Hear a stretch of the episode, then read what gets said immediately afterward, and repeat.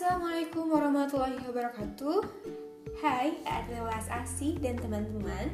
Welcome to podcast Kalamentari Amburiana dapat info nih dari Wabot. Sekarang kita hidup di era masyarakat 4.0 Nah menuju 5.0 ya. Jadi kalau di 4.0 itu Segala akses informasinya berdasarkan big data. Nah dulu Kata Wabot tuh pada 980 sampai 1013 Masehi ada seorang tabib dan ilmuwan muslim dari bangsa Arab yang menemukan teknik pengobatan patah tulang dengan menggunakan gips yaitu Abu Al-Jahrawi.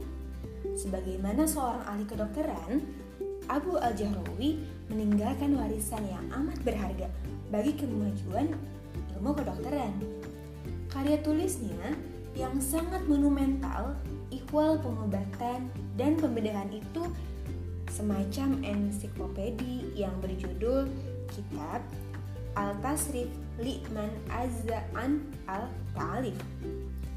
Kitab itu tersusun dari 30 risalah dan sebagai buku pegangan yang amat lengkap mengenai seni pengobatan. Berhubungan dengan tulang dan sistem gerak, Menurut Wabot, pada kehidupan society 5.0 nanti, segala akses transportasi akan memudahkan masyarakat. Tapi di sisi lain juga ada efek negatifnya. Nah, karena kurangnya aktivitas gerak dan paparan sinar matahari, sehingga bisa saja mengakibatkan disfungsi kesehatan, terutama pada tulang atau sistem gerak. Oleh karena itu, Yuk kita analisis kemungkinan tiga resiko penyakit akibat kurang gerak dan kurang sinar matahari, terutama pada anak. Pertama, yaitu riketsia ialah penyakit tulang pada anak yang menyebabkan tulang kaki tumbuh bengkok.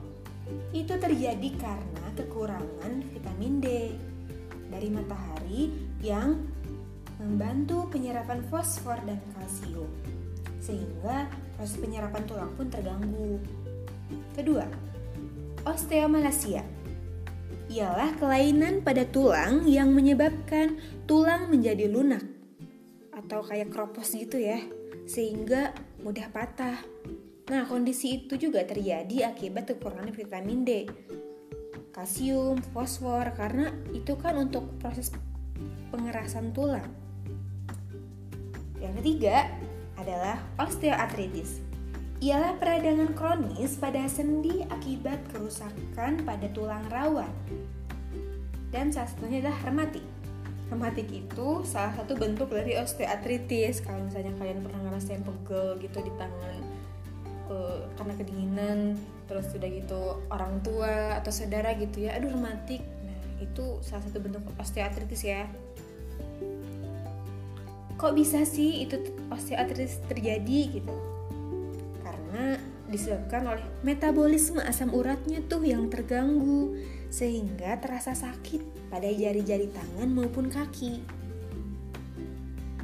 Lalu upaya apa aja sih yang harus kita lakukan untuk menjaga sistem gerak kita? Ada lima poin penting nih teman-teman yang harus kita lakukan ya untuk menjaga kesehatan tulang? Pertama, meningkatkan kandungan kalsium dalam asupan makanan yang terdapat di susu, sayuran hijau, ikan, brokoli, kacang kedelai, dan lainnya. Yang kedua, kebutuhan sinar ultraviolet matahari karena kebutuhan per hari akan sinar matahari itu 15 mikro, mikrogram maka dari itu yuk kita berjemur rajin berjemur di pagi hari. Yang ketiga menjaga berat badan. Nah dengan menjaga berat badan kamu menolong sendi-sendimu untuk bekerja tidak terlalu keras untuk menopang berat badan tidak terlalu kurus ataupun tidak terlalu gemuk. Yang keempat, memperhatikan aktivitas fisik yang cukup setiap harinya, seperti jogging, jalan kaki, atau jenis olahraga lainnya ya. Yang kelima, menghindari kebiasaan sikap tubuh yang salah.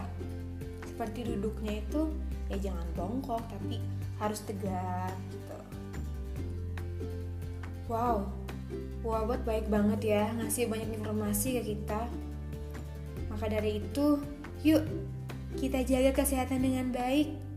Terima kasih. Wassalamualaikum warahmatullahi wabarakatuh.